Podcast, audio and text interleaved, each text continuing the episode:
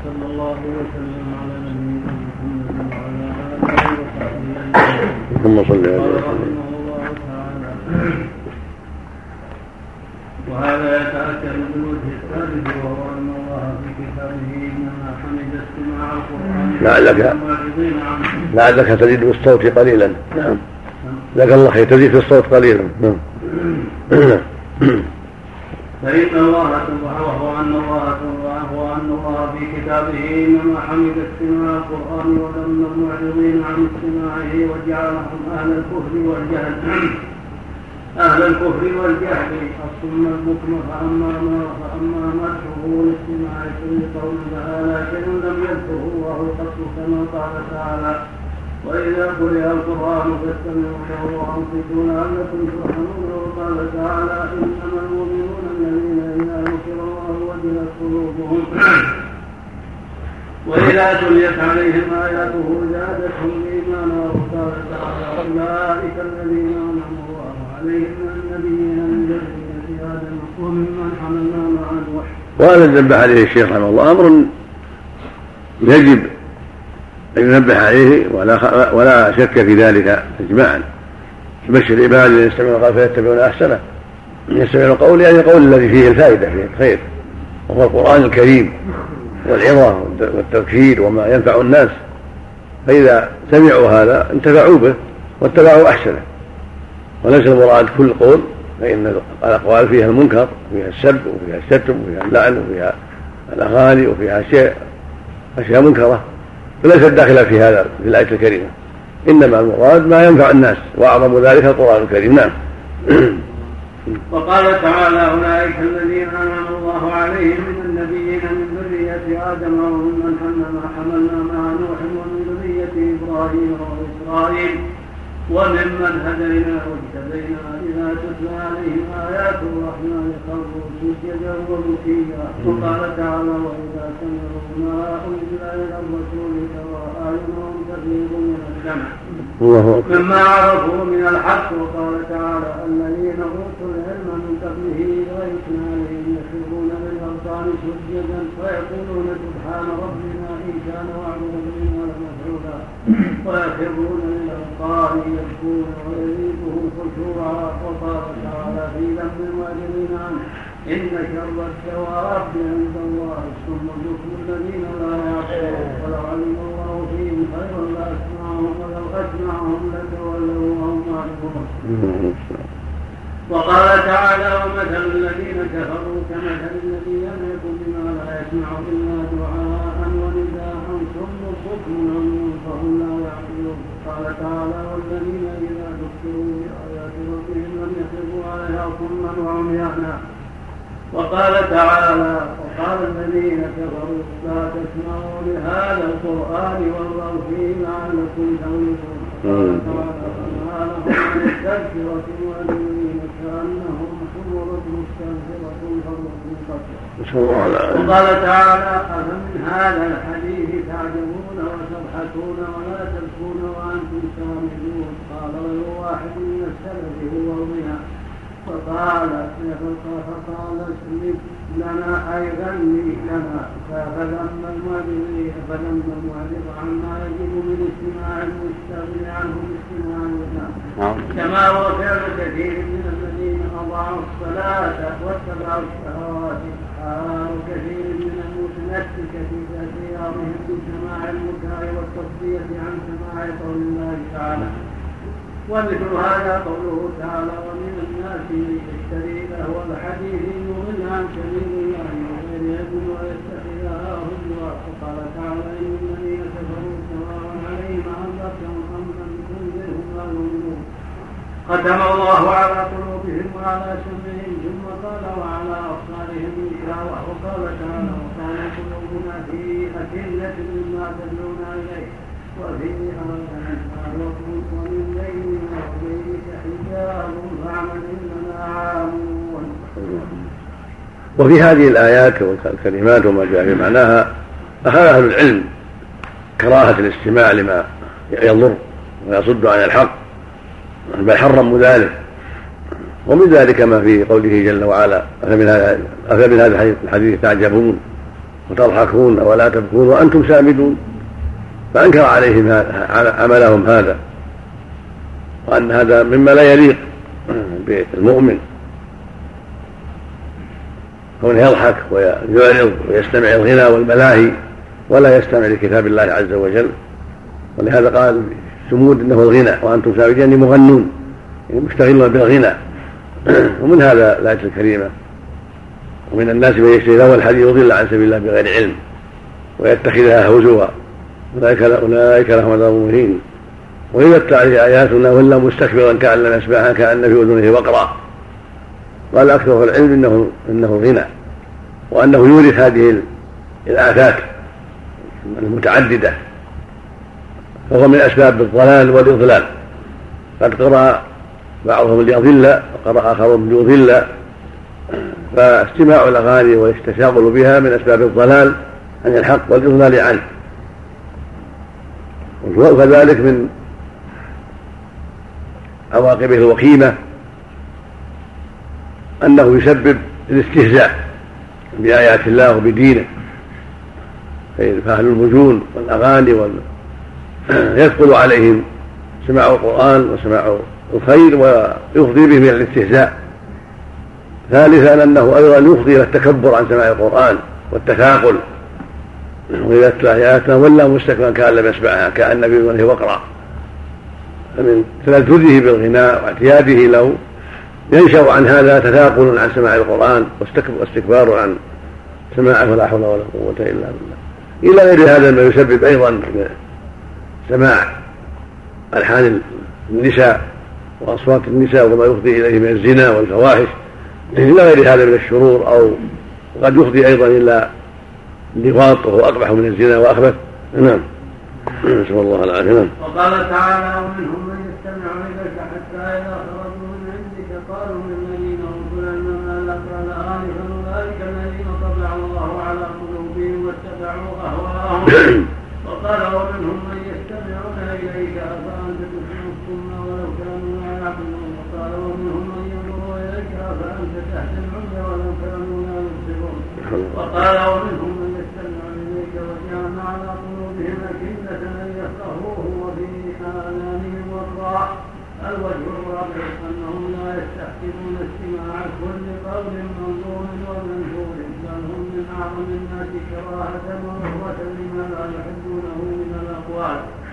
من الأقوال منظورها ومنشورها ونفورهم عن كثير من الأقوال أعظم من نفور المنازع لهم في سماع البكاء والتصديات في سماع البكاء والتصدية عن عن هذا السماع وإذا لم يكن العموم مرادا بالاتفاق كان حمل الآية عليه باطلا.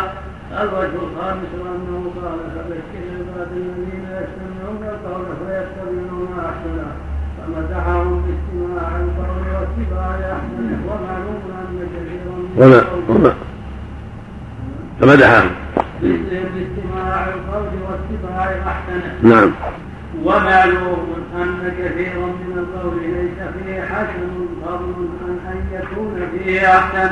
بل فيه كما قال الله تعالى ومثل كلمة خبيثة كشجرة خبيثة اجتثت من فوق الأرض ما لها من قرار وقال تعالى ومن أظلم ممن افترى على الله كلمة أو كذب بالحق لما جاءه وقال وكذلك نجزي المفترين وقال ولا يغتب بعضكم بعضا وقال ولا تنابزوا بالألقاب وقال إذا تناجيتم فلا تتناجوا بالإثم والعدوان ومعصية الرسول وقال تعالى ويقولون طاعة فإذا خرجوا من عندك بيت طائفة منهم غير الذي تقول والله يكتب ما يريدون. فأعرض عنهم وتوكل على الله وكفى بالله وكيلا.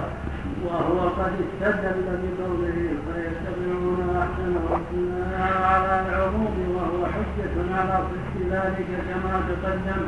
وقوله فيتبعون احسنه كقوله في هذه السوره واتبعوا أحسن ما أنزل إليكم من ربكم فهذه الكلمة مثل هذه الكلمة سواء سواء وهذا من معاني تشابه القرآن كما قال تعالى الله نزل أحسن الحديث كتابا متشابها مثاني فاتباع أحسن ما أنزل الله من معنى معنى التشابه هنا هو التماثل.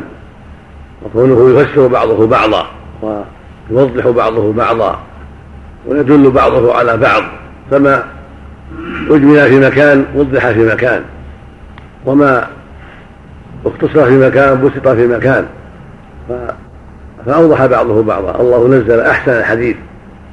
فهو أحسن الحديث وهو أحسن القصص. نحن عليك أحسن القصص. وهو أصدق القول.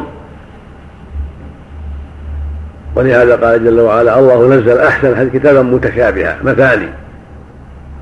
يعني يثنى ويكرر صلوات وفي الختمات. بخلاف التشابه في قوله جل وعلا واخر متشابهات فهي فهو معنى آخر. يعني يعني اخر فيها بعض بعض الاشتباه فتفسر في المحكم ويدل عليها المحكم وهو الشيء الواضح. فيرد المشتبه الذي قد يخفى معناه إلى الأمر إلى آيات محكمات واضحة المعنى. فيفسر هذا بهذا. فإذا علم المؤمن هذا تدبر الآيات التي تشتبه عليه فوجد حلها ووجد بيانها في الآيات الواضحة التي فيها البيان والإيضاح. هذا معنى متشابها. وهكذا قوله حكمت آياته ثم فصلت فهي محكمة متقنة ليس فيها تناقض ولا خلل بل آيات محكمات صادقات واضحات متشابهات يشبه بعضها بعضا. نعم. فاتباع احسن ما أنزل إلينا ما أنزل إلينا من ربنا هو اتباع احسن القول وبهذا أمر بني إسرائيل حيث قال وكتبنا له في الارواح من كل شيء موعظه وتفصيلا لكل شيء فخذها بقوة وامر قومك ياخذوا باحسنها ثم قال أبو القاسم وقال تعالى فهم في روضه وأحسنها اتبعوا أحسن من ربكم ولا لا يتبعون أحسنه؟ أحسنه هو ما أمرنا به. وترك ما نهينا عنه هذا المراد يعني ما نهيتم عنه اتركوه. وما أمرتم به فخذوا به. والعكس أن يدع الأوامر ويرتكب النواهي. هذا غير الأحسن. وهذا هو المنهي عنه. والمؤمنون مأمورون بأن يأخذوا بالأحسن ويتبعوا الأحسن. واتبعوا أحسن ما أحسن ما انزل من ربكم. وكذلك فيبشر عباده يستمعون فيتبعون أحسنه. يعني يتبعون أحسن ما أنزل إليهم من قول وعمل. فيشتغلون بذكر الله وقراءة القرآن والأمر بالمعروف والنهي عن المنكر. ويشتغلون بفعل ما شرع الله من الصلوات والصيام والحج والصدقات وغير ذلك ويدعون ما نهاهم الله عنه فإن فعل ذلك ليس هو الأحسن بل ترك المنهي هو الأحسن وفعل المأمور هو الأحسن فترك المأمور ليس هو الأحسن وفعل المنهي ليس هو الأحسن نعم اللهم المستعان نعم على بابها نعم ثم قال أبو القاسم وقال تعالى فهم في روضه يحضرون جاء في التفسير أن انه استماع قلت فهذا قد ورد عن طائفة من السلف انه استماع الحسن انه استماع الحسن في الجنة وأن الحور العين يغنين باصوات لم يسمع الخلائق بأحسن منها لكن تنعيم الله تعالى لعباده بالأصوات الحسنة في الجنة واستماعها. لا يقتضي أنه يشرع يبيح كل صوت في الدنيا فقد وعد في الآخرة باشياء حرمها في الدنيا. كالخمر والحرير واواني الذهب والفضة بل قال صلى الله عليه وسلم من شرب الخمر في الدنيا لم يشربها في الآخرة. وقال من لبس الحرير في الدنيا لم يلبسه في الآخرة. وقال لا تشربوا في انيه الذهب والفضة. ولا تأكلوا في صحافها فإنها لهم في الدنيا ولكم في الآخرة. وهذه الأحاديث من الصحاح المشاهير المجمع على صحتها فقد أخبر أنه من استعمل هذه الأمور في الدنيا من المطعوم والمنفوس وغيرها لم يستعملوا في الآخرة. فلو قيل له هذا السماع الحسن الموعود به في الجنة ولمن نجى مسامعه في الدنيا عن سماع الملاهي. لكان هذا أشبه بالحق والسنة وقد ورد به الأثر ويقول الله يوم القيامة أين الذين كانوا يتنزهون وينزهون أنفسهم وأسماعهم عن اللهو عن اللهو ومزامير الشياطين أدخلوهم وأسمعوهم تحميدي وتمجيدي والثناء عليه. وأخبروهم أنهم لا خوف عليهم ولا هم يحزنون. ثم أبو القاسم واعلم أن سماع الأشعار بالألحان الطيبة. والنظام والنظام المستلذ إذا لم يعتقد المستمع محظورا ولم يسمع على مذموم في الشرع ولم ينجر في زمام هواه ولم ينفرد في تلك قال هذا ثم قال أبو القاسم الله يعفو عنا وعن سر بسم الله. الحمد لله والصلاة والسلام على رسول الله. أما بعد فهذه نهاية حلقة الخامس عشر من شهر شعبان وهي آخر حلقة قرئ فيها من الاستقامة لشيخ الإسلام رحمه الله تعالى في دروس عام ستة وأربعمائة وألف. ومع نهايتها وصلنا إلى نهاية صفحة ثلاث وثلاثين ومئتين من المجلد الأول من الكتاب وما يعقب ذلك إن شاء الله تعالى يكون في أول حلقة من دروس عام سبعة وأربعمائة وألف يقرأ فيها من كتاب الاستقامة وكانت يوم الخميس السابع من شهر الله المحرم لعام سبعة وأربعمائة وألف نسأل الله عز وجل حسن عونه لإكمال هذا العمل وإخراجه على الوجه الذي يرضي مولانا عنا. ونسأل الله عز وجل أن يجعله عملا مثقلا في ميزان حسنات مصنفه ومحققه وقارئه وسامعه والمعلق عليه ومسجله ومعده وجامعه. هو ولي ذلك والقادر عليه. ونسأله سبحانه وتعالى علما نافعا ورزقا طيبا وعملا متقبلا وأن يثبت قلوبنا على دينه وأن يثبتنا بالقول الثابت في الحياة الدنيا وفي الآخرة وأن يجعلنا ممن يأتيه يوم القيامة بقلب سليم هو ولي ذلك والقادر عليه. مع تحيات وخالص دعوات أبي أحمد محمد ابن رفيق العجمي. مكة المكرمة في آخر شهر الله المحرم الحرام لعام عشرة وأربعمائة وألف من هجرة الصادق المعصوم عليه أفضل الصلاة وأتم التسليم. هذا وصل اللهم وسلم وبارك على عبدك ورسولك نبينا محمد النبي الأمي وعلى آله وصحبه أجمعين والتابعين لهم بإحسان إلى يوم الدين. سبحانك اللهم وبحمدك أشهد أن لا إله إلا أنت أستغفرك وأتوب إليك.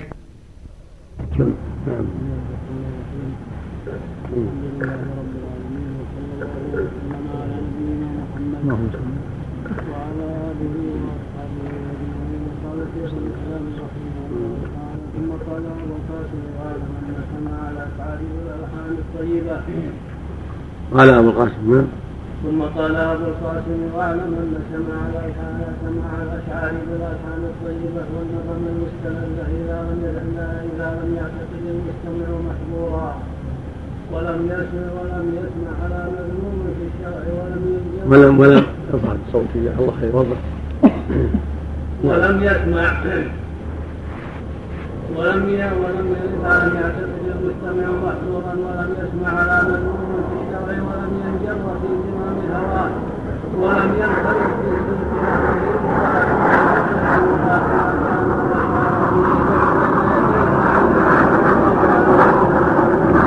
وأنه سمعها ولم ينكر على فجاز سماعها بين الألحان الطيبة فلا يتغير الحكم بأن يسمع بالألحان هذا ظاهر من الامر ثم ما يوجب للمستمع توفر الرغبه على الطاعات وتذكر ما اعد الله لعباده المتقين من الدرجات ويحمله على التحفز من الزلات ويهدي إلى قلبه في الحال صفاء الوالدات مستحب في الدين ومختار في الشرع قال وقد جرى على لفظ الرسول صلى الله عليه وسلم ما هو قريب من الشعر وان لم يقصد ان يكون شعرا فذكر الحديث المتفق عليه عن انس بن مالك قال كانت الانصار الخندق فجعلوا يقولون نحن الذين بايعوا محمدا على الجهاد ما بقينا أبدا. فاجابهم رسول الله صلى الله عليه وسلم. اللهم لا عيش إلا عيش الآخرة. فاكرم الانصار والمهاجر. وقال ليس هذا اللفظ منه صلى الله عليه وسلم على وجه الشعر قلت تضافت قلت تضمن هذا الكلام شيئين؟ أحدهما إباحة سماع الألحان والنغمات المستلذات بشرط أن لا يعتقد المستمع محظورا وأن لا يسمع مذموما في الشرع وأن لا يتبع منه هواه. والثاني أن ما أوجد للمستمع الرغبه في الطاعات والاحتراز من الذنوب وتذكر وعد الحق ووصول الاحوال الحسنه إلى قلبه فهو مستحب. وعلى هاتين المقدمتين بنى من قال باستحباب ذلك مثل أبي الربيع عبد الرحمن السلمي وأبي حامد وغيرهما. وفي هؤلاء من قد يوجبه أحيانا إذا كان إذا رأى أنه لا يؤدي لا يؤدي الواجب إلا به. وكذلك قد يفضلونه على سماع القرآن إذا رأوا أن ما يحصل بسماع الألحان أكثر مما يحصل بسماع القرآن. وهم في ذلك يظاهرون لمن يوجب من الكلام المحدث ما يوجبه ولمن يفضل ما فيه من العلم على ما يستفاد من القرآن والحديث. لكن في أولئك من يرى من يرى الإيمان لا يتم إلا بما ابتدعوه من الكلام وفيهم من يكفر بمخالفته المفسر وأهل السماع أيضا فيهم من يرى الإيمان لا يتم إلا به وفيهم من يقول في منكره الأقوال العظيمة وقد يكون يسعى في قتل منكره لكن جنسهم كان خيرا من جنس المتكلمة مما فعلوا غير ذلك من الذنوب كما يستحقون علم الكلام ويوجبونه ويذمون تاركه ويسبونه. ويعاملونه من العداوة بما يعامل به الكافر وبإيجاء استحباب هؤلاء أو إيجابهم أن قوما من أهل العلم يكفرونهم باستحباب ذلك أو إيجابه ولهذا تجد في المستحبين له وفي المنكرين له من ما أوجب الافتراق والعداوة والبغضاء. وأصل ذلك ترك الفريقين جميعا لما شرعه الله من السماع الشرعي الذي يحبه الله ورسوله وعباده المؤمنون. وهاتان المقدمتان كلاهما غلط مشتمل على دليل مجمل من جنس استدلالهم بما ظنوه من العموم في قوله. الذين يستمعون القول فيتبعون احسنه بما وعد الله به في الآخرة من السماع الحسن. ولهذا نشأ من هاتين المقدمتين اللتين لبس فيهما الحق بالباطل. قول من لم يذهب إليه قول من قول قول لم يذهب إليه أحد من سلف الأمة ولا أئمتها.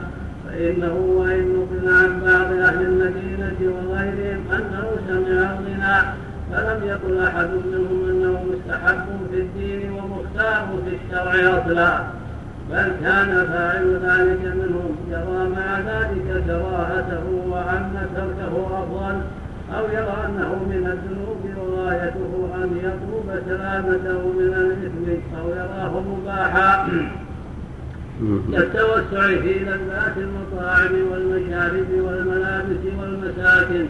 وأما رجاء الثواب بفعله والتقرب إلى الله فهذا لا يحفظ عن أحد من سلف الأمة وأئمتها بل المحفوظ عنهم انهم راوا هذا من الزنادقه كما قال الحسن بن عبد العزيز الجروي سمعت الشافعي يقول خلفت ببغداد شيئا احدثته الجنادقه يسمونه التغبير يصدون به الناس عن القران المراد والتغفير هو الضرب بالقضيب صبر أي أثار مبارك وهو آلة من الآلات التي تطرد بتلحين الغناء.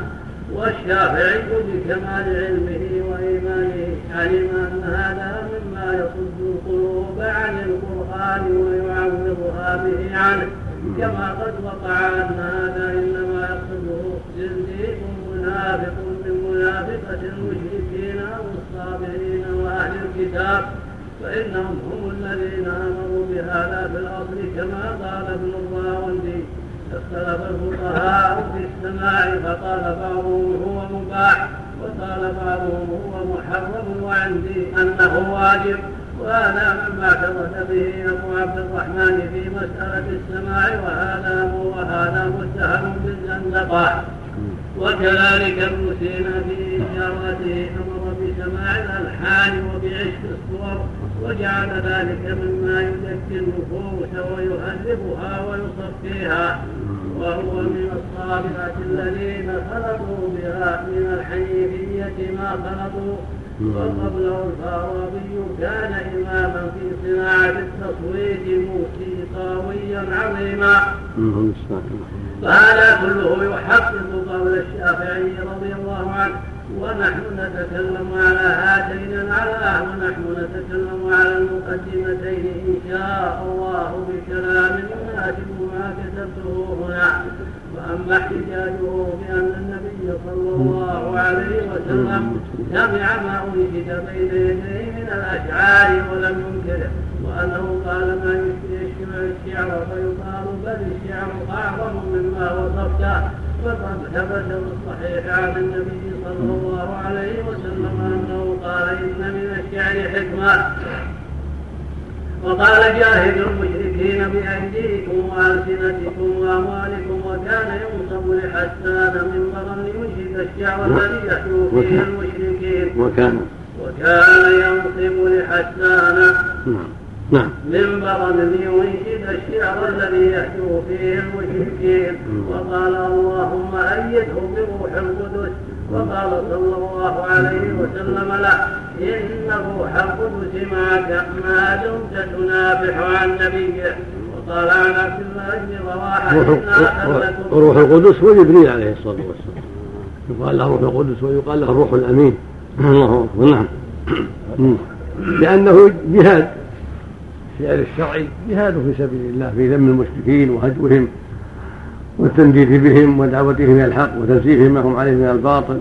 هذا غير ما تفعله الصوفية من الألحان الفاسدة في العشق والصور وأشياء أخرى مما يمدحونه ويذمونه. نعم نسأل الله العافية. نعم. وقال عن عبد الله بن رواحه أنا خلكم لا يقول الرفث. وقد استنشد الشهيد بن سويد الثقفي مئة قافية مئة قافية من شعر أمية بن أبي الصلب وهو يقول هيه هيه وسمع قصيدة كعب بن زهير وهذا باب واضح. وقد قال الله تعالى في كتابه بعد أن قال والشعراء يتبعهم الغاوون ألم تر أنهم في كل واد يهيمون وأنهم يقولون ما لا يفعلون إلا الذين آمنوا وعملوا الصالحات؟ وذكروا الله كثيرا وانتصروا من بعد ما ظلموا. وسيعلم الذين ظلموا أي منقلب ينقلبون. فلم يذم الذين آمنوا وعملوا الصالحات وذكروا الله كثيرا من الشعراء المنتصرين من بعد ما ظلموا. ولهذا قال النبي صلى الله عليه وسلم لن يمتلئ جوف أحدكم طيحا حتى يلي خير من ان يمتلئ شرا فلما الممتلئ فلما الممتلئ بالشيء الذي لم يستعمل بما يوجب الإيمان والعمل الصالح وذكر الله كثيرا ولم يذم الشعر مطلقا بل قد بين معنى الحديث من قاله الشافعي الشعر كلام وحسنه كحسن الكلام وقبيحه قبيح كقبيحه هذا قوله في الشعر مع قوله في التغبير ليبين أن إباحة أحدهما غير مستلزمة للآخر.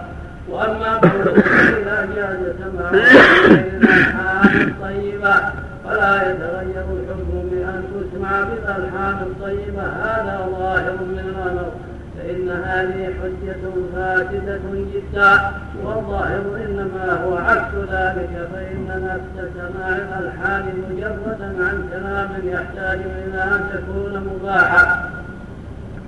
مع انفرادها وهذا من أكبر مواقع النزاع فإن فإن فإن سماع الألحان مجردا عن كلام يحتاج إلى أن تكون مباحة مع انفرادها. وهذا من أكبر مواقع النزاع فإن أكثر المسلمين على خلاف ذلك ولو كان كل من الشعر كان صاغ الكلمة يحتاج إلى دليل يدل يحتاج إلى ما يدل. من صاغ الكلمة نعم. ولو كان كل من الشعر أو التلحين مباحا على الانفراد لم يلزم الإباحة عند عند الاجتماع إلا بدليل خاص. فإن التركيب له خاصة يتعين الحكم بها وهذه الحجة بمنزلة حجة من قال إن خبر الواحد إذا لم يفد العلم عند انفراده لم يفد العلم مع مع نظائره ومع القرائن فجحد العلم الحاصل بالتواتر. وبمنزلة ما يذكر عن قياس بن معاوية أن رجلا قال له ما تقول في الماء؟ قال حلال. قال والتمر قال حلال قال فالنبي قال ماء وتمر. فقال له إياس بن معاوية أرأيت لو ضربتك بكف من تراب فكنت كنت قتلتك؟ قال لا قال فإن ضربتك بكف من جبن أكنت أبدا كنت أقتلك. قال لا قال فإن ضربتك بماء أكنت أقتلك. قال لا قال فإن أخذت الماء والجبن والتراب فجعلتها طينا وتركته فجعلتها طينا وتركته حتى جف وضربتك به حتى قتلتك. قال نعم.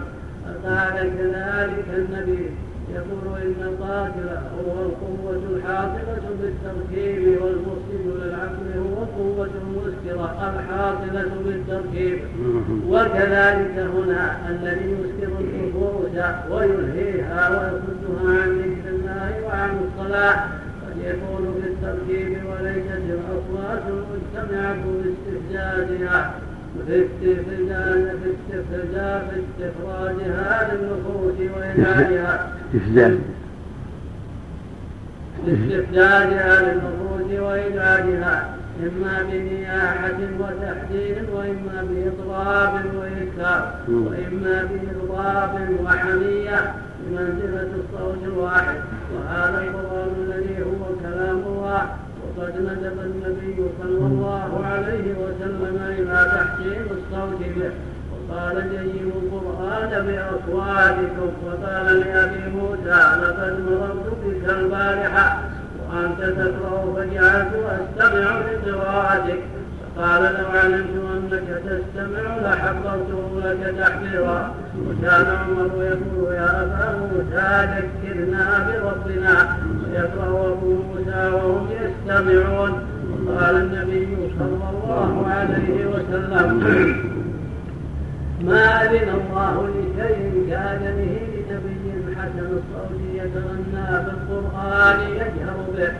قال لله الله أشد أذنا إلى الرجل الحسن الصوت بالقرآن من صاحب قينته إلى قينته ومع هذا فلا يسوغ أن يقرأ أن يقرأ القرآن بألحان الغنى ولا أن يقرن به من الألحان ما يقرن بالغنى من الآلات وغيرها. لا عند من يقول بإباحة ذلك ولا عند من يحرمه. بل المسلمون متفقون على الإنكار لأن يقرن بتحسين الصوت بالقرآن الآلات المطربة بالفم كالمزامير لو قال قائل النبي صلى الله عليه وسلم قد قرأ القرآن وقد استقرأ من ابن مسعود وقد استمع لقراءة أبي موسى. وقال لقد أوتي مزمارا من مزامير داود. فإذا قال قائل فإذا قال قائل إذا جاز ذلك بغير هذه الألحان. فلا يتغير الحكم بأن يسمع بالألحان. أنال منكرا من القول وزورا باتفاق الناس. وأما المقدمة الثانية وهي قوله بعد أن أثبت الإباحة إنما أوجب للمستمع أن يوفر الرغبة على الطاعات ويذكر ما أعد الله لعباده المتقين من الدرجات. ويحمله على التحرز من الجنات ويؤدي إلى قلبه في الحال صفاء الواردات مستحق في الدين ومختار في الشرع. فنقول تحقيق هذه المقدمة أن الله سبحانه يحب الرغبة فيما أمر به والحذر مما نهى عنه ويحب الإيمان بوعده ووعيده. وتذكر ذلك وما يوجبه من خشيته ورجائه ومحبته والإنابة إليه. ويحب الذين يحبونه فهو يحب الإيمان أصوله وفروعه والمؤمنين والسماع يحصل المحبوب وما حصل المحبوب فهو محبوب فالسماع محبوب وهذه المقدمة مبناها على أصلين أحدهما معرفة ما يحبه الله والثاني أن السماع يحصل محبوب الله خالصا أو راجحا فإنه إذا حصل محبوبه ومكروها والمكروه أغلب كان مذموما وإن تكافأ فيه المحبوب والمكروه لم يكن محبوبا ولا مكروها. أما الأصل الأول وهو معرفة ما يحبه الله وهو أسهل وإن كان غلط في كثير منها كثير من الناس. وأما الأصل الثاني وهو أن السماع المحدث يحصل هذه المحبوبات فالشعر فيها فالشعر فيها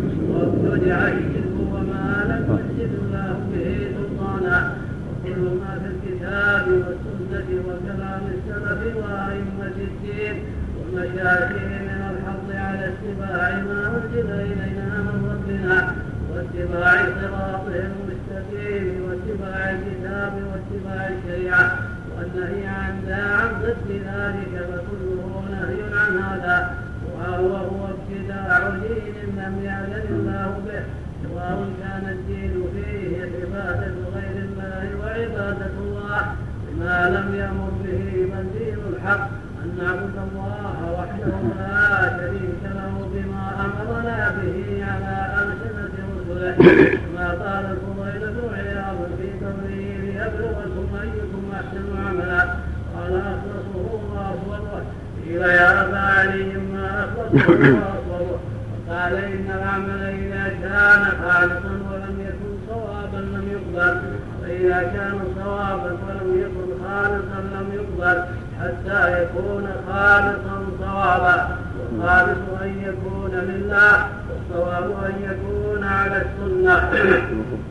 والمعنى أنه لا بد من الأمرين.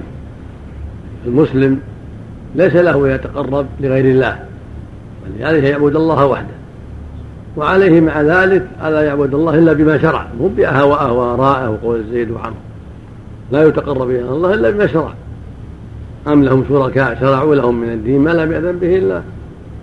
ثم جعلناك على شريعتنا فاتبعها. وإن كنتم تحبون الله فاتبعوني يحبكم الله ويغفر لكم ذنوبكم.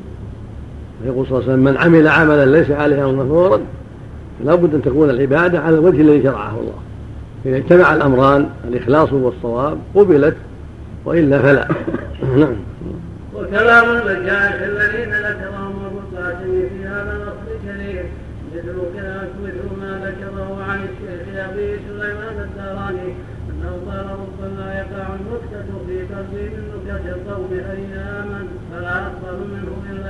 إلا بشاهدين عدل شاهدين عدلين الكتاب والسنة وعن صاحبه أحمد بن أبي الحواري أو قال من عمل بلا اتباع سنة فباطل عمله وباطل عمله. وعن سهل بن عبد الله التستري أنه قال كل فعل يفعله العبد بغير ابتداء طاعة كان أو معصية فهو عيش النفس. وكل فعل يفعله بالابتداء فهو عذاب على النفس وعن ابي حفص وكل وكل. وكل فعل يفعله بالابتداء فهو عذاب على النفس. إن شاق عليها تحتاج أن يحتاج إلى جهادها لأنها ليس لهواها. الله أكبر نعم. وعن ابي حفص النيسابوري انه قال من لم يزد أفعاله وأحواله كل وقت بالكتاب والسنة. ولم يتهم خواطره فلا تعد فلا تعده في ديوان الرجال. وعن الجنيد بن محمد أنه قال الطرق كلها مسدودة على الخلق إلا من اكتفى اثر الرسول صلى الله عليه وسلم. وعن الجليد أيضا أنه قال من لم يحفظ القرآن ولم يكتب الحديث لا يقتدى به في هذا الأمر لأن علمنا هذا مقيد بالكتاب والسنة. وعن ابي عثمان النيسابوري إنه قال من أمر السنة على نفسه قولا وفعلا نطق بالحكمة ومن أمر الهوى على نفسه نطق بالبدعة. قال الله تعالى وإن تطيعوه تهتدوا. وعن ابي حمزه البغدادي قال من علم طريق الحق تعالى سهل عليه سلوكه. ولا دليل على من من من من علم طريق الحق تعالى سهل عليه سلوكه. نعم. ولا دليل على الطريق إلى الله إلا من الا متابعة الرسول في أحواله وأقواله وأفعاله. وعن أبي عمرو بن جنيد قال كل حال لا يكون نتيجة علم فإن ضرره أكثر على صاحبه من نفعه. وسئل عن التصوف فقال الصبر تحت الأمر والنهي. وعن أبي يعقوب النخرجوري قال أفضل الأحوال ما قارن العلم ومثل هذا كثير في كلام أئمة المشايخ وهم إنما وصوا بذلك لما يعلمونه من حال كثير من السالكين أنه يجري مع ذوقه ووجده مع ذوقه وما يراه ويهواه غير متبع لسبيل الله التي بعث بها التي بعث بها الذين غير سبيل الله التي بعث بها نبيه صلى الله عليه وسلم. وهذا بغير هدى من الله والسمع المحدث وحديث الهوى ولهذا كان بعض المشايخ المصنفين في ذمه سمى كتابه الجليل واضح في النهي عن ارتكاب الهوى الفاضح ولهذا كثير مما يوجد في كلام المشايخ الامر بمتابعه العلم يعنون بذلك الشريعة. قول ابي يزيد البسطامي رحمه الله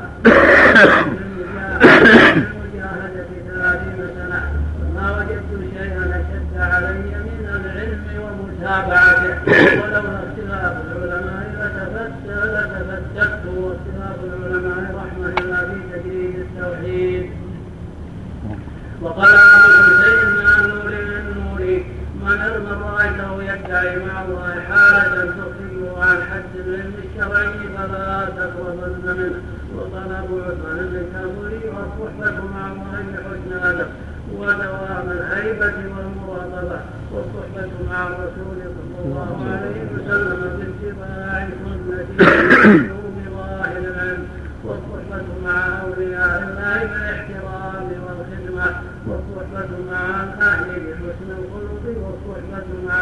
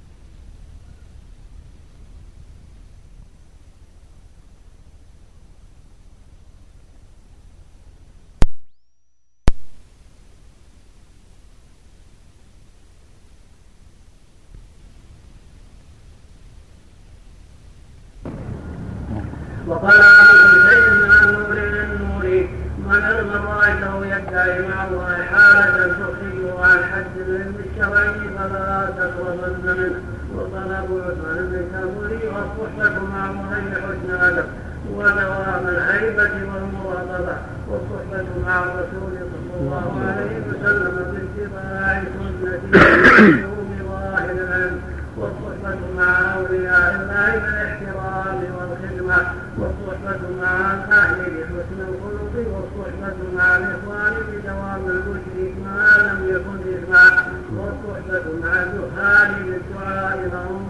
بالدعاء لهم والرحمة عليهم وذلك لأنه لما كان أصل الطريق هو الإرادة والقصد والعمل في ذلك فيه والعمل في ذلك فيه من الحب والوجه ما لا ينضبط وكثيرا ما يعمل السالك بمقتضى ما يجده في قلبه من المحبة وما يريده ويدعو ويذوقه من طعم العبادة هذا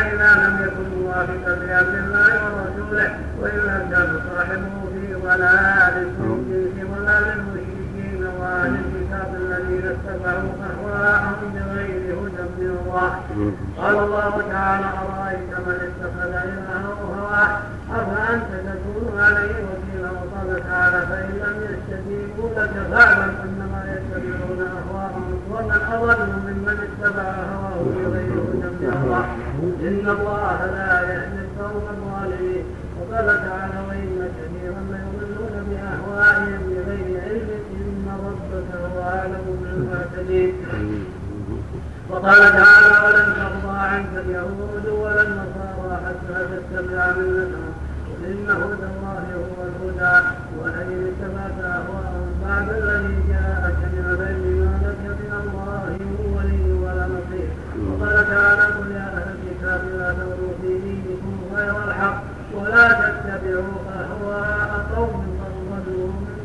قبل وضلوا كثيرا وضلوا عن سواء السبيل وكثيرا ما يبتلى كثير من أهل السماء بشعبة من حال النصارى من الغلو في الدين واتباع اهواء قوم قبل وان كان فيه وكثير وكثير عندك موقف ولا قف على هذا؟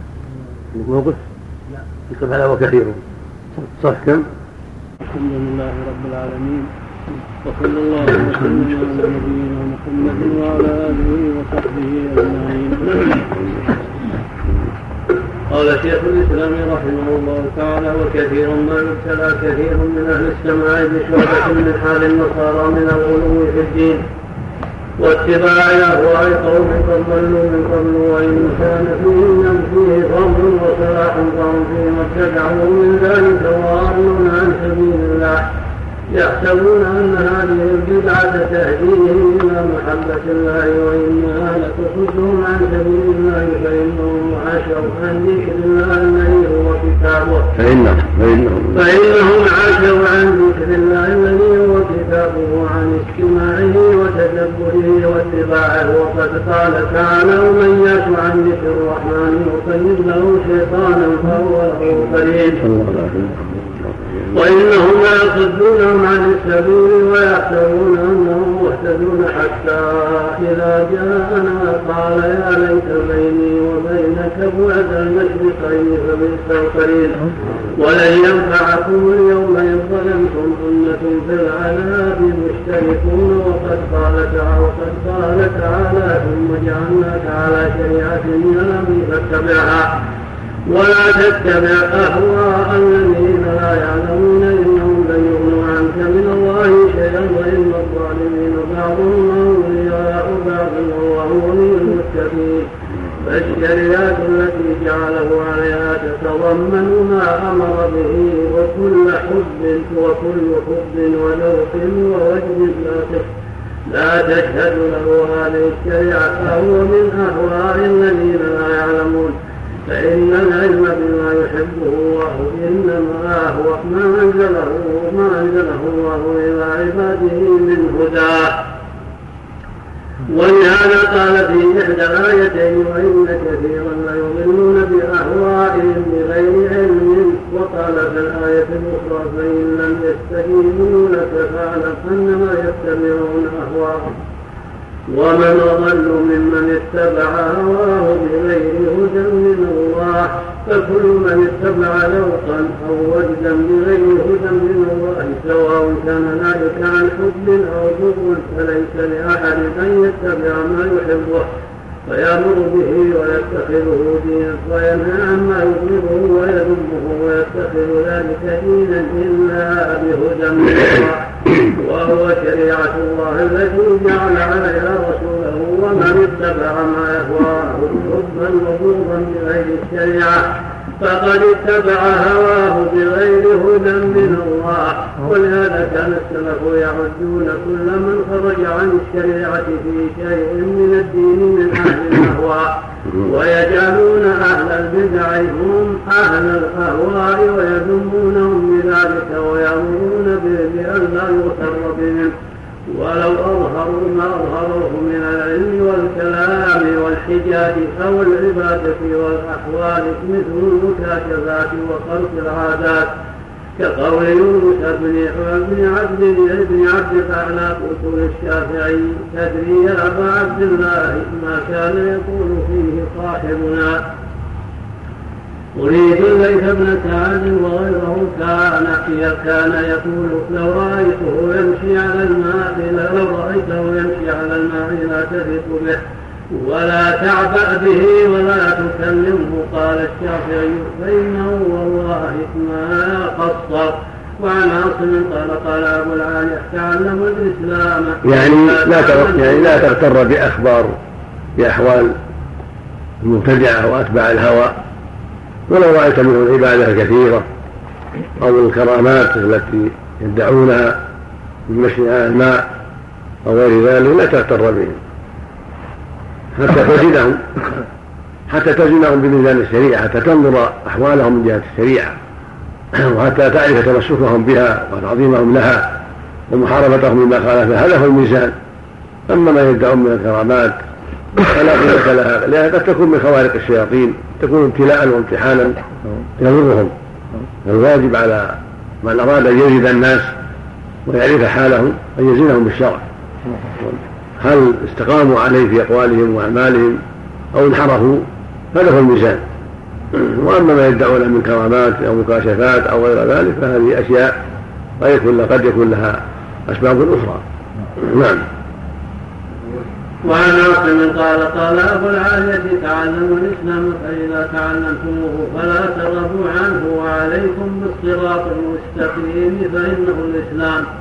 ولا تحرفوا الإسلام ولا ولا تحرفوا الإسلام يمينا وشمالا وعليكم بسنة نبيكم والذي كان عليه أصحابه. وإياكم وهذه الأهواء. التي تلقى بين الناس التي تلقي بين الناس العداوة والبغضاء. فحدثت الحسن قال صدق ونصح. قال فحدثت حصة بنت سيرين فقالت يا أبا علي أنت حدثت محمدا بهذا قلت قالت فحدثه إذا وقال أبي بن كعب عليكم بالسبيل والسنة فإنهما على الأرض عبد على السبيل والسنة ذكر الله ففاضت به عيناه. ففاضت به عيناه من خشية الله فيعذبه. وما على الأرض عبد على السبيل والسنة ذكر الله في نفسه فاقشعر من خشية الله إلا كان. إلا كان مثله كمثل شجرة قد يبس ورقها ورق ورقها فهي كذلك إذا صابتها ريح شديدة. فتحاتت عنها ورقها ولتحط عن خطاياه كما تحاتت عن تلك الشجرة الشجرة ورقها وإن اقتصادا في سبيل وسنة خير من اجتهاد في خلاف سبيل وسنة. فانظروا أن يكون علم عملكم إن كان اجتهادا أو اقتصادا أن يكون ذلك على منهاج الأنبياء وسنتهم. وكذلك قال عبد الله بن مسعود الاقتصاد بالسنة خير من الاجتهاد في البدع. وقيل لأبي بكر بن عياش يا أبا بكر من السني قال الذي إذا ذكرت الأهواء لم يرغب لشيء منها. وهذا أصل عظيم من أصول سبيل الله وطريقه يجب الاعتناء به وذلك أن كثيرا من الأفعال قد يكون مباحا في الشريعة أو مكروها أو متناجا في إباحته وكراهته وربما كان محرما أو متناجا في تحريمه. فتستحبه طائفة من الناس يفعلونه على أنه حسن مستحب ودين وطريق يتقربون به حتى يعدون من يفعل ذلك. حتى يعدون من يفعل ذلك أفضل ممن لا يفعله وربما جعلوا ذلك من لوازم طريقته من الله. أو جعلوه شعار الصالحين وأولياء الله ويكون ذلك خطأ وضلالا وابتداع دين لم يأذن به الله. مثال ذلك حلق الرأس في غير الحج والعمرة بغير عذر فإن الله قد ذكر في كتابه حلق الرأس وتقصيره بالنسك وذكر حلقه لعذر في قوله فمن كان منكم مريضا أو به أذى من رأسه ففدية من صيام أو صدقة أو نسك وأما حلقه لغير ذلك فقد تنازع العلماء في إباحته وكراهته نزاعا معروفا على قولين هما روايتان عن أحمد. ولا نزاع بين علماء المسلمين وأئمة الدين أن ذلك لا يشرع ولا يستحب ولا هو من سبيل الله وطريقه ولا من الجهد المشروع للمسلمين ولا مما أثنى الله به على أحد من الفقراء. ومع هذا فقد اتخذه طوائف من النساك الفقراء والصوفية دينا حتى جعلوه شعارا وعلامة على أهل الدين والنسك. على أهل الدين والنسك والخير والتوبة والسلوك إلى الله إلى الفضل والصوفية حتى إن من لم يفعل ذلك يكون منقوصا عندهم خارجا عن الطريقة المفضلة المحمودة عندهم ومن فعل ذلك دخل في هديهم وطريقهم؟ وهذا ضلال عن طريق الله وسبيله باتفاق المسلمين.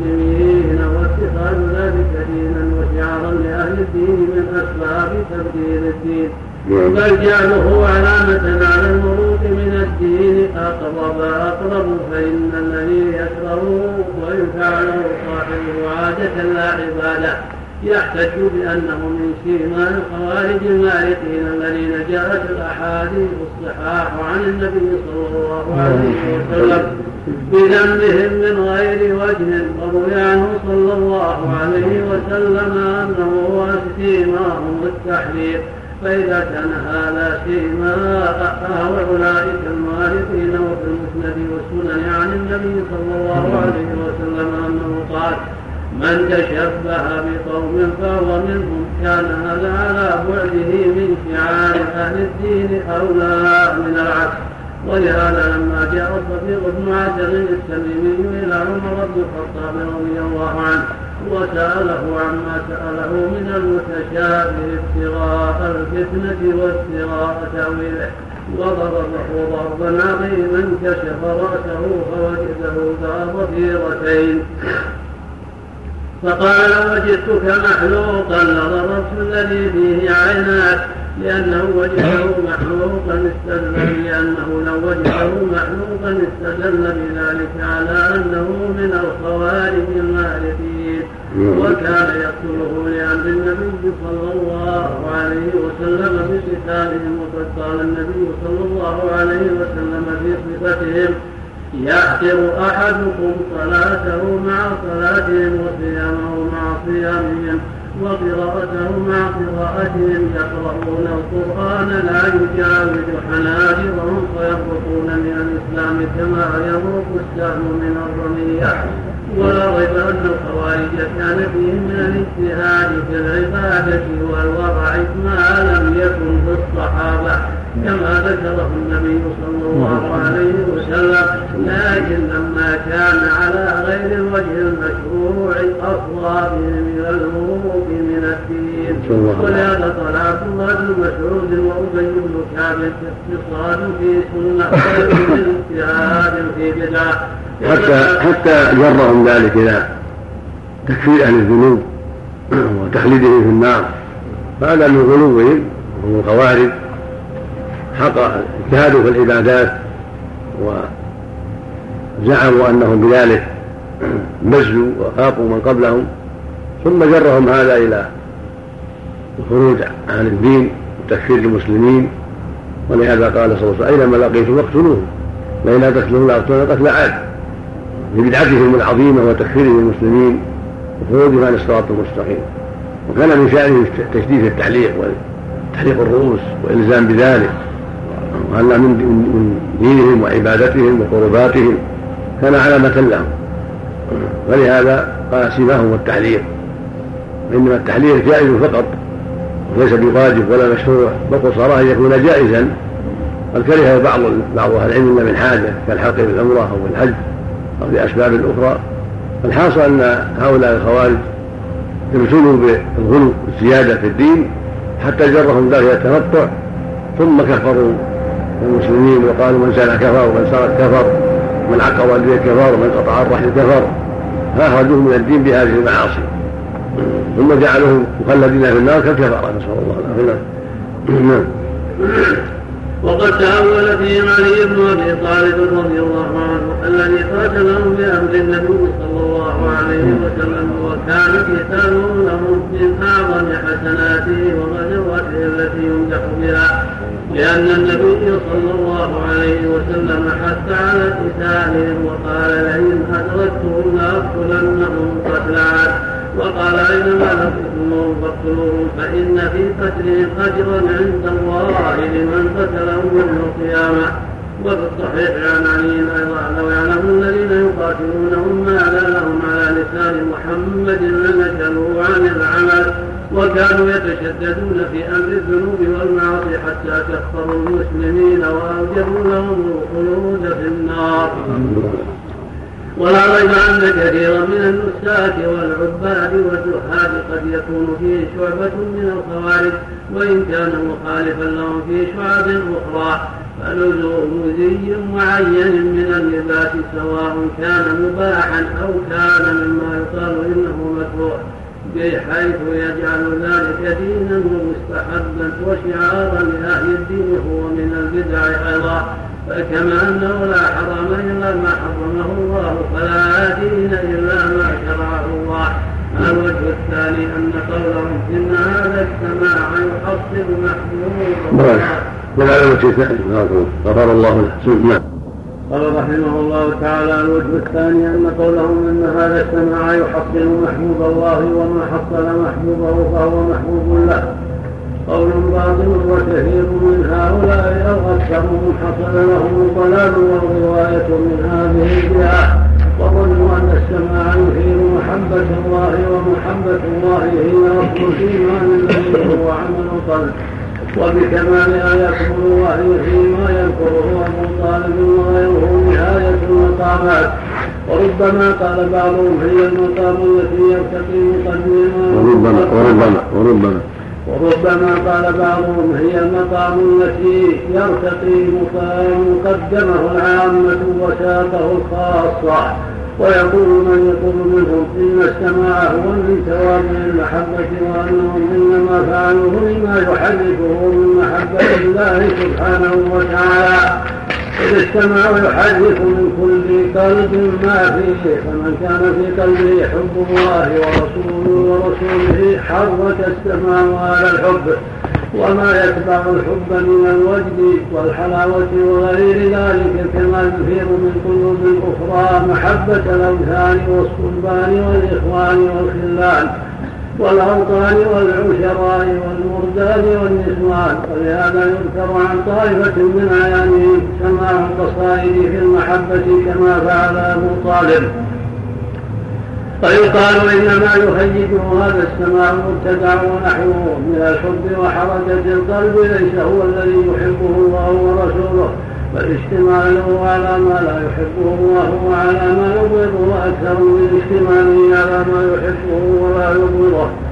وحده عما يحبه الله ونهيه عن ذلك أعظم من تحريكه لما يحبه الله.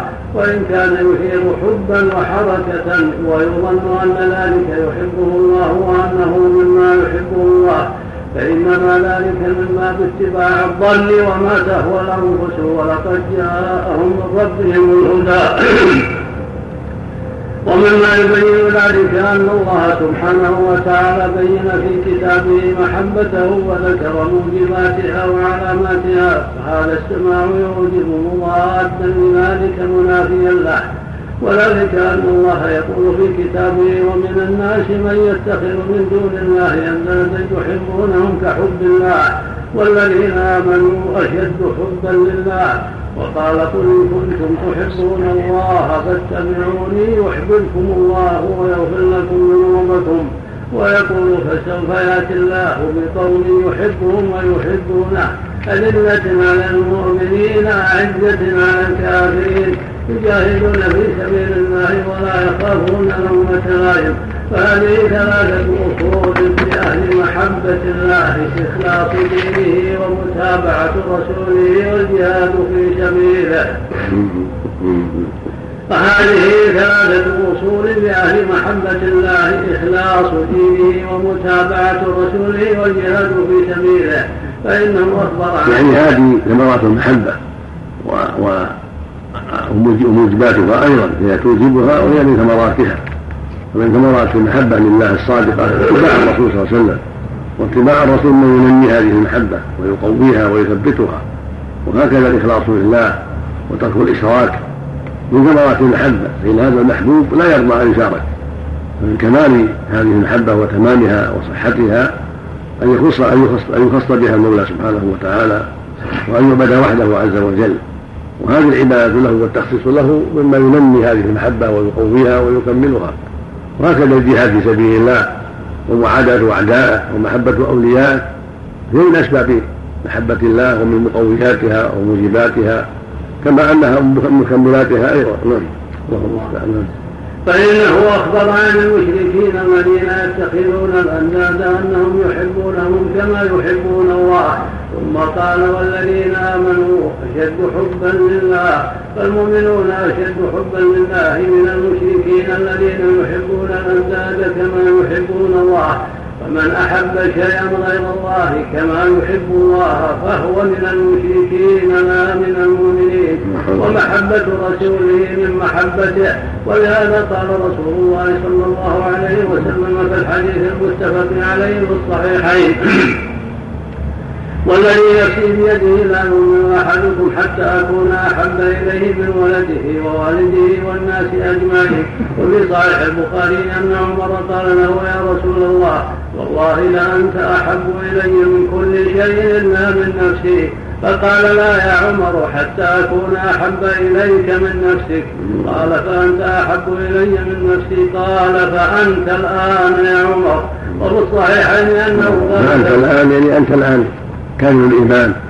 أو تام الإيمان. الله أكبر. نعم الله نعم. وفي الصحيحين أنه قال ثلاث من كن فيه وجد حلاوة الإيمان وفي لفظ ما يجد حلاوة الإيمان إلا من كان فيه ثلاث خصال. أن يكون الله ورسوله أحب إليه مما سواهما وأن يحب المرء لا يحبه إلا لله وأن يكره أن يرجع في الكفر بعد إذا أنقذه الله منه كما يكره أن يلقى في النار. وهذه المحبة ليست بمجرد الدعوة لها دلائل. ومن أحب الله المحبة الصادقة فالمحبة دلائل.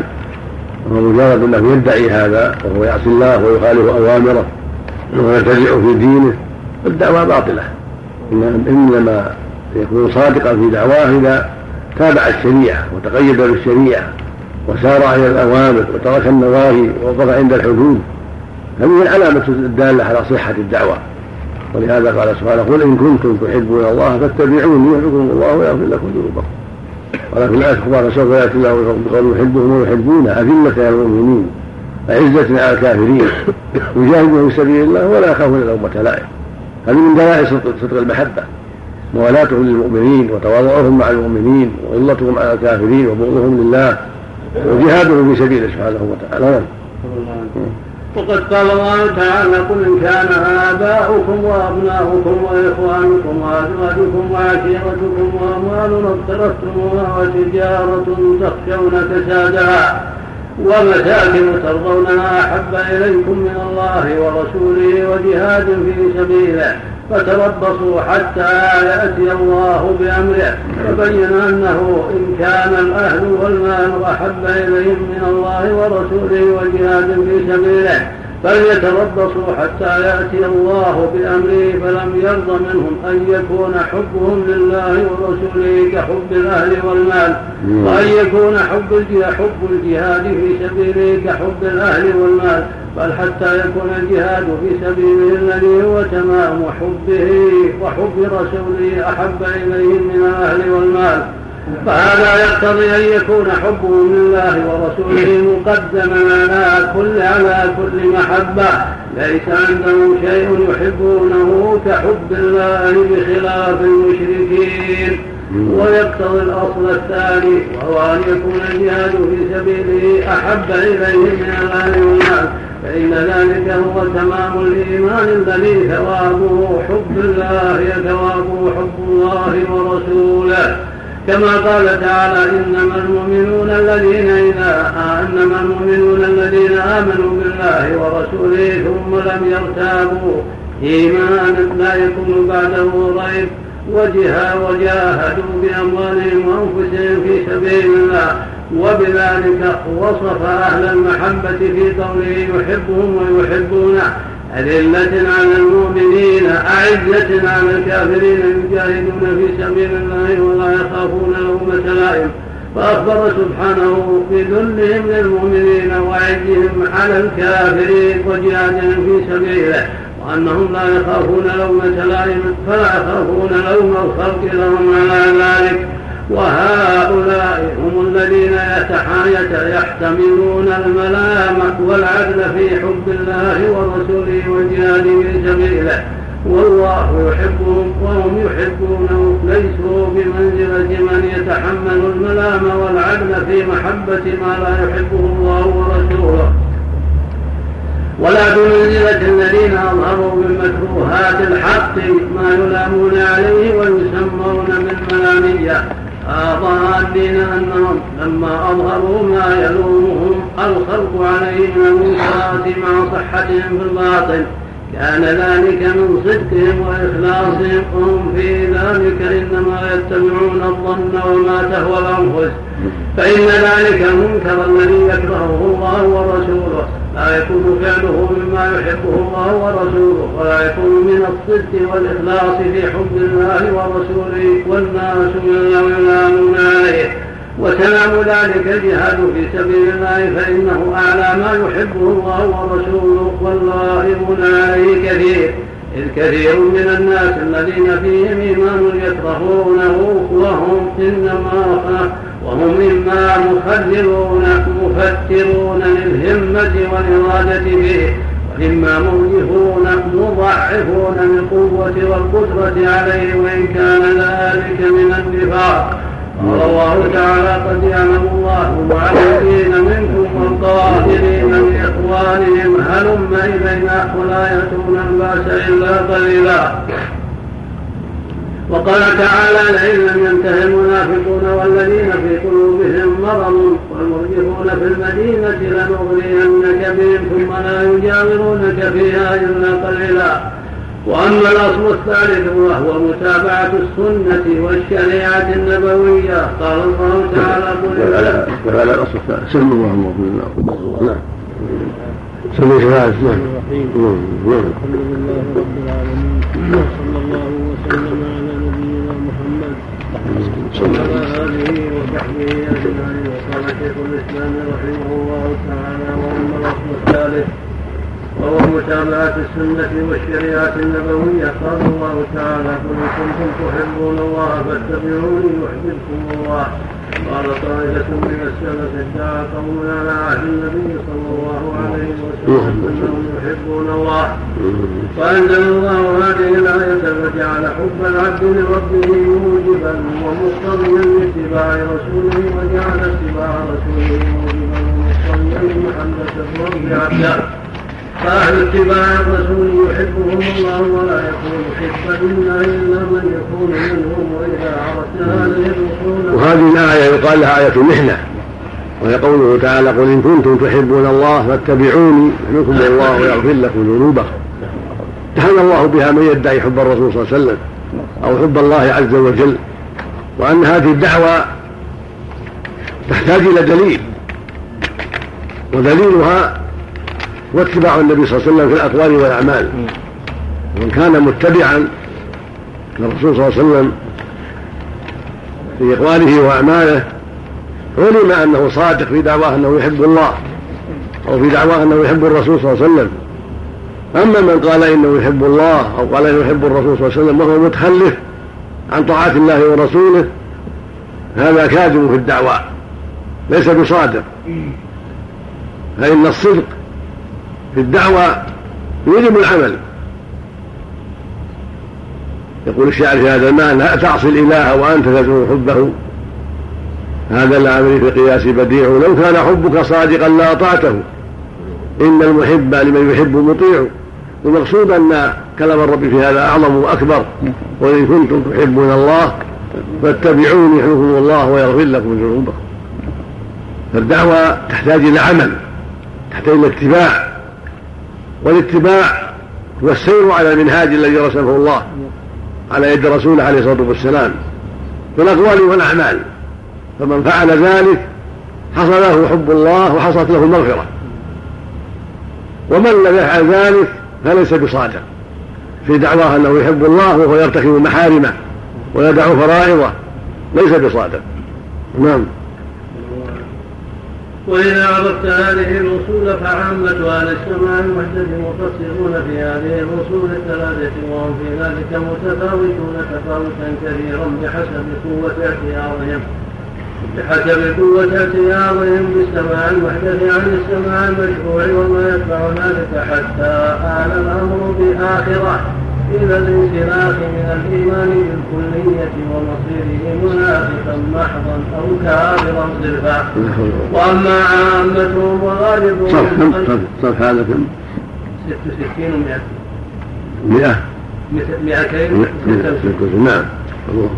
نعم. وأما عامتهم وغالبهم الذين فيهم حب الله ورسوله وما يتبع ذلك. وهم فيه مقصرون تجد فيهم من التفريط في الجهاد في سبيل الله وما يدخل فيه من الامر بالمعروف والنهي عن المنكر والتفريط في متابعة رسوله صلى الله عليه وسلم في شريعته وسنته وأوامره وزواجره أمرا عظيما جدا. وكذلك في أمر الإخلاص لله تجد فيه من الشرك الخفي أو الجلي أمورا كثيرة. ولهذا كان هذا السماع سماع المكار والتصديع. إنما هو في الأصل سماع المشركين كما قال تعالى وما كان صلاتهم عند البيت إلا مكاء وتصديعا وفيه من اتخاذ أحبارهم قربانهم أربابا من دون الله ما ضحوا به النصارى في كثير من ذلك. حتى إلا حتى أن منهم من يعبد بعض البشر ويعبد قبورهم فيدعوهم ويستغيث بهم ويتوكل عليهم ويخافهم ويرجوهم إلى غير ذلك مما هو من حقوق الله وحده لا شريك له ويطيعون سادتهم وكبراءهم في تحليل الحرام وتحريم الحلال ويقول بعضهم باتحاد الله ببعض مخلوقاته وحلوله فيهم فيها ما قالته النصارى في المسيح عليه الصلاة والسلام ولهذا يكون كثير وهذا أراد به المؤلف كما تقدم الرد على من أحدث الطرق الصوفية وأحدث السماع قالوا إن السماع لنغمات القصائد والأشعار وضرب الدفوف والمزامير في ذلك أن هذا أخشع لقلوبهم وأن هذا أقرب إلى صفاء قلوبهم من اجتماعهم على القرآن وسماع القرآن والأحاديث فأحدثوا هذا الذي سموه السماع هو سماع الأغاني والملاهي وضرب الدفوف وضرب المزامير والقصب وغير هذا مما يخشعون عنده بزعمهم بين له المؤلف رحمه هذا باطل وهذا بدعة أحدثها هؤلاء وإنه الواجب الاشتغال بذكر الله وقراءة القرآن بغير هذا السماع المنكر الذي أحدثوه وجعلوا يطربون له ويجعلوا فيه أنواع المزامير وأنواع الطبول وأنواع الأشياء التي سموها زعمهم ملينة للقلوب ومحركة للقلوب ويصادة للقلوب عن الله وعن الآخرة. الواجب على الآخرين أن يسيروا على نهج الأولين من أصحاب النبي صلى الله عليه وسلم في التأدب بالقرآن وسماع القرآن والإنصات للقرآن وأن يقرؤوه منصتين خاشعين متدبرين متعقلين وأن يعتاضوا عنه في القصائد وأنواع الملاهي التي أحدثها هؤلاء. نعم. ولهذا يكون كثير من سماعهم الذي يحرك وجدهم ومحبتهم إنما يحرك وجدهم ومحبتهم لغير الله الذين اتخذوا من دون الله أندادا يحبونهم كحب الله واما الشريعه وما أمر الله به ونهى عنه وأحله وحرمه. يعني أن هذا الشعر وهذا هذه القصائد وهذه الطبول وهذه النفوف وهذه المزامير والاقصاب القصب اللي فعلوه انما الحقيقة جرهم إلى ان يعظموا مشايخهم ويعبدوهم من دون الله حتى صاروا بهذه القصائد وبهذا التعظيم للمشايخ يعبدونهم من دون الله ويتخذونهم اندادا ويحرمون ما حرموا ويحلون ما احلوا من دون شرع من الله وصاروا بهذا من جنس اليهود والنصارى الذين اتخذوا احبارهم ورهبانهم اربابا من دون الله ما أحلوا ما حلوا ما أحلوا وحرموا ما حرموا بدون حجة. فصاروا بهذا عابدين لهم. لأن من أحل ما حرم الله وحرم ما أحل الله لمراعاة الشيخ واعتقاد أنه لا ينطق عن الهوى وأنه لا يغلط وأن ما أحله هو الحلال وما حرمه هو الحرام هذا شرك بالله وعبادة لغيره. وموافقة لليهود والنصارى في عقائدهم الباطلة نسأل الله العافية. هذا الذي أوقع الصوفية في هذا البلاء نسأل الله العافية. نعم. مثل طعام في الإبل السوق نعم. إنسان يعني في الليل ولا شيء وجاء بهذه مثلا أشعار يعني ما فيها. أشعار جائزة ما فيها شيء يعني قصائد جائزة أشعار جائزة في الإبل في السفر أو في الحضر. أشعار مثل ما كان حسان ينشد النبي صلى الله عليه وسلم ويهجو المشركين. كان كعب بن زرير كان كعب بن مالك كان غيرهم. الأشعار القصائد الشرعية التي ينبغي أن يحب الله ورسوله والدعوة إلى دين الله. ودعوة إلى مكارم الأخلاق ومحاسن الاعمال ما فيها شيء. إنما الشيء حكمة. لكن هؤلاء اتخذوها عبادة اتخذوها دين يعظمون بمشايخهم ويخلطون معها آلات الملاهي ويبكون عندها ويعرضوا على القرآن والسنة. نسأل الله نعم. وأما الشريعة وما أمر الله به ونهى عنه واحله وحرمه فيهم من المخالفة لذلك بل من الاستخفاف بمن يتمسك به ما الله به عليم حتى سقط من قلوبهم تعظيم كثير من فرائض الله وتحريم كثير من محارمه. فكثيرا ما يضيعون فرائضه ويستحلون محارمه ويتعدون حدوده تارة اعتقادا وتارة عملا. وكثير من خيارهم الذين هم مؤمنون يقعون في كثير من فروع ذلك وإن كانوا وإن كانوا مستمسكين بأصول الإسلام. وأما غير هؤلاء فيصرحون بسقوط الفرائض كالصلوات الخمس وغيرها عنهم وبحل الخبائث من الخمر والفواحش أو الظلم أو البغي أو غير ذلك. لهم ولهم وتزول عن قلوبهم المحبة لكثير مما يحبون. يقول من زعمه في هذا أنهم وصلوا إلى درجة مع ذلك تكليف. وصلوا إلى درجة من حب الله والشوق إليه ما أسقط عنهم التكاليف. هذا مما قادهم إليه الشيطان حتى أسقطوا الصلوات والزكوات والصيام والحج والمحارم عن مشايخهم وعن من زعموا أنه وصل إلى الحقيقة وأنه وصل إلى الله وأنه ما بقي على التكليف. فليفعل ما يشاء من الحلال والحرام. وهذا غاية الردة عن الإسلام نعوذ بالله غاية الفجور والفساد. الله قال لنبيه واعبد ربك حتى يأتيك اليقين. يعني حتى يأتي الموت التكاليف ما تسقط على احد إلا إذا جاء الموت إذا مات. أو زال عقله بالجنون ونحوه أما التكاليف باقيه أما هؤلاء يقولون إذا بلغ أصحابهم ومشايخهم درجة من وجدهم وتعظيمهم بزعمهم لله بطريق الأشعار وطريق الوجد وطريق الاجتماعات وطريق ما يسمونه خوارق. إذا بلغ هذا الحد سقطت عنه التكاليف. نعم. نسأل الله العافية. نعم. وتزول عن قلوبهم المحبة لكثير مما يحبه الله ورسوله كالمحبة التامة التي هي كمال الإيمان بل لا بد أن ينقص في قلوبهم حب ما أحبه الله ورسوله فلا يبقى للقرآن والصلاة ونحو ذلك في قلوبهم.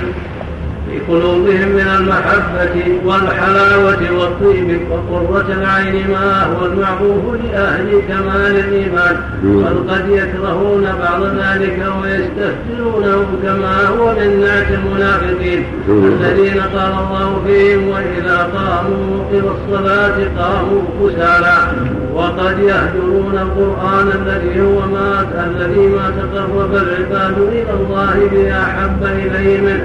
بل قد يستكثرون سماعه وقراءته لما تعظم عنه من السماع وقد يقومون ببعض هذه العبادات الشرعية صورا ورسما كما يفعله المنافقون. لا محبة وحقيقة ووجدا كما يفعله المؤمنون. يعني يعني قد يعني قد يقع لهم لما اشتغلوا بهذه القصائد وما معها من آلات الملاهي البكاء والوجد ما بينهم وبعضهم يسقط سريعا مغشيا عليه. بسبب هذا قد يستكثرون الصلوات ولا ينشطون لإقامة الصلاة ولا ينشطون لقراءة القرآن بل قد يستكثرون هذا. ويرون أنهم يعني انتقلوا من من أفضل إلى مفضول وقد يصيبهم ما أصاب المنافقين من أدائها رسما لا حقيقة ومجاملة لا عبادة. لما وقع في قلوبهم من الاعراض والغفلة نسأل الله العافية. نعم. وأما الجهاد في سبيل الله فالغالب عليهم أنهم ابعد عنهم من غيرهم حتى تجد في عوام المؤمنين من الحب الأمر بالمعروف والنهي والنهي عن المنكر والمحبة والتعظيم لأمر الله والغضب والغيرة لمحارم الله وقوة المحبة والموالاة لأولياء الله. قوة البغض والعداوة لأعداء الله ولا يوجد فيهم بل يوجد فيهم ضد ذلك. ومعلوم أن أهل الإيمان والصلاح منهم لا يفقدون هذا بالكلية لكن هذا السماع المحدث هو وتوابعه سبب ومظنة لضد الجهاد في سبيل الله حتى إن كثيرا منهم يعدون ذلك نقصا. نقصا في طريق الله وعيبا ومنافيا للسلوك الكامل إلى الله ومن السبب الذي ضل به هؤلاء وغووا ما وجدوا في كثير ممن ينتسب إلى الشريعة من الداعين إلى الجهاد. من ضعف قوة الإيمان وسوء النيات والمقاصد وبعدهم عن النيات الخالصة لله وصلاح قلوبهم وسرائرهم وعن أن يقصدوا بالجهاد أن تكون كلمة الله هي العليا وأن يكون الدين كله لله كما وجدوا في كثير ممن يذم السماع المحدث من قسوة القلب والبعد عن مكارم الأخلاق وذوق حقيقة الإيمان هذا التفريط في حقوق الله والعدوان على حدوده الذي وجد في هؤلاء وأمثالهم ممن لا يتدين بالسماع المحدث بل يتدين ببعض هذه الأمور صار شبهة لأولئك كما أن التفريط والعدوان الموجود في أهل السماع المحدث صار شبهة لأولئك في ترك كثير مما عليه كثير منهم. من حقائق الإيمان وطاعة الله ورسوله ولهذا تفرق هؤلاء في دينهم وصارت كل طائفة مبتدعة لدين لم يشرعه الله ومنكرة لما مع الطائفة الأخرى من دين الله وصار فيهم شبه الأمم قبلهم. كما قال تعالى ومن الذين قالوا إنا نصارى أخذنا ميثاقهم فنسوا حظا مما ذكروا به فأغرينا بينهم العداوة والبغضاء إلى يوم القيامة. قال تعالى وقالت اليهود ليست النصارى على شيء. قالت النصارى ليست اليهود على شيء. وقال تعالى أفتؤمنون ببعض الكتاب وتكفرون ببعض؟ وقال تعالى ولا تكونوا كالذين تفرقوا واختلفوا من بعد ما جاءهم البينات. قال تعالى إن الذين فرقوا دينهم وكانوا شيعا لست منهم في شيء. أما دين الله وهداه الذي أنزل به كتابه وبعث به رسوله وهو اتباع كتابه وسنته في جميع الأمور. وترك اتباع ما يخالف ذلك في جميع الأمور والإجماع على ذلك. كما قال تعالى يا أيها الذين آمنوا اتقوا الله حق تقاته ولا تموتن إلا وأنتم مسلمون. واعتصموا بحبل الله جميعا ولا تفرقوا. واذكروا نعمة الله عليكم إن كنتم أعداء فألف بين قلوبكم فأصبحتم بنعمته إخوانا وكنتم على شفا حفرة من النار أنقذكم منها كذلك يبين الله لكم آياته لعلكم تهتدون. ولتكن منكم أمة يدعون إلى الخير ويأمرون بالمعروف وينهون عن المنكر وأولئك هم المفلحون. ولا تكونوا كالذين تفرقوا واختلفوا من بعد ما جاءهم البينات وأولئك لهم عذاب عليم. يوم تبيض وجوه وتسود وجوه أما الذين اسودت وجوههم بعد إيمانكم فذوقوا العذاب بما كنتم تكفرون. وأما الذين ابيضت وجوههم ففي رحمة الله هم فيها خالدون. وأما كون الشعر في نفسه لا يستمع لا يستمع إلا لا يستمع إليه إلا إذا كان من الكلام المباح. وهذا الشعر سم اللهم صل